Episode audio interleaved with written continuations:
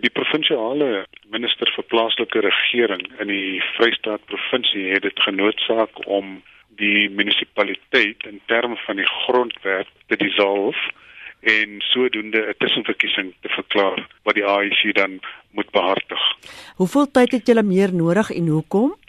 In terme van die grondwetlike hof se besluit verlede jaar, alhoewel ons tot 2018 het om adresse op die kiesverslys te kry, geld dit nie vir tussenverkiesings nie.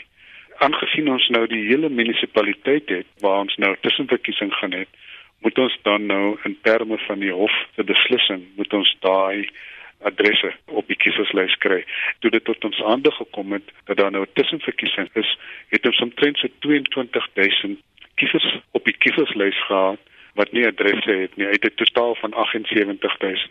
So dis taamlik baie werk wat nog nodig is en ons het toe na die uh, kieswet gegaan en gevra dat hulle ons meer tyd gee want in terme van die munisipale struktuurwet moet ons die tussenverkiesing behartig binne 90 dae en daai 90 dae verstrek aan die einde van September maand en daar's glad nie genoeg tyd om daai adresse dan te kry in hierdie kort tyd en dan nog voorbereiding te doen vir 'n verkiesing nie. Hoe lank is die uitstel wat jy wil hê?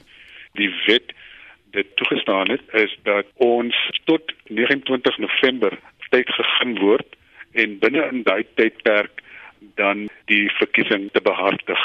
En op hierdie stadium mik ons so in die middel van November om verkiesing daar te hou. Maar ons sal dit nog met die plaaslike politieke party vergadering bespreek in terme van 'n spesifieke datum. Meneer Abrams, hoe eh, doen 'n mens hierdie adres insameling? Stap julle van deur tot deur of wat doen julle?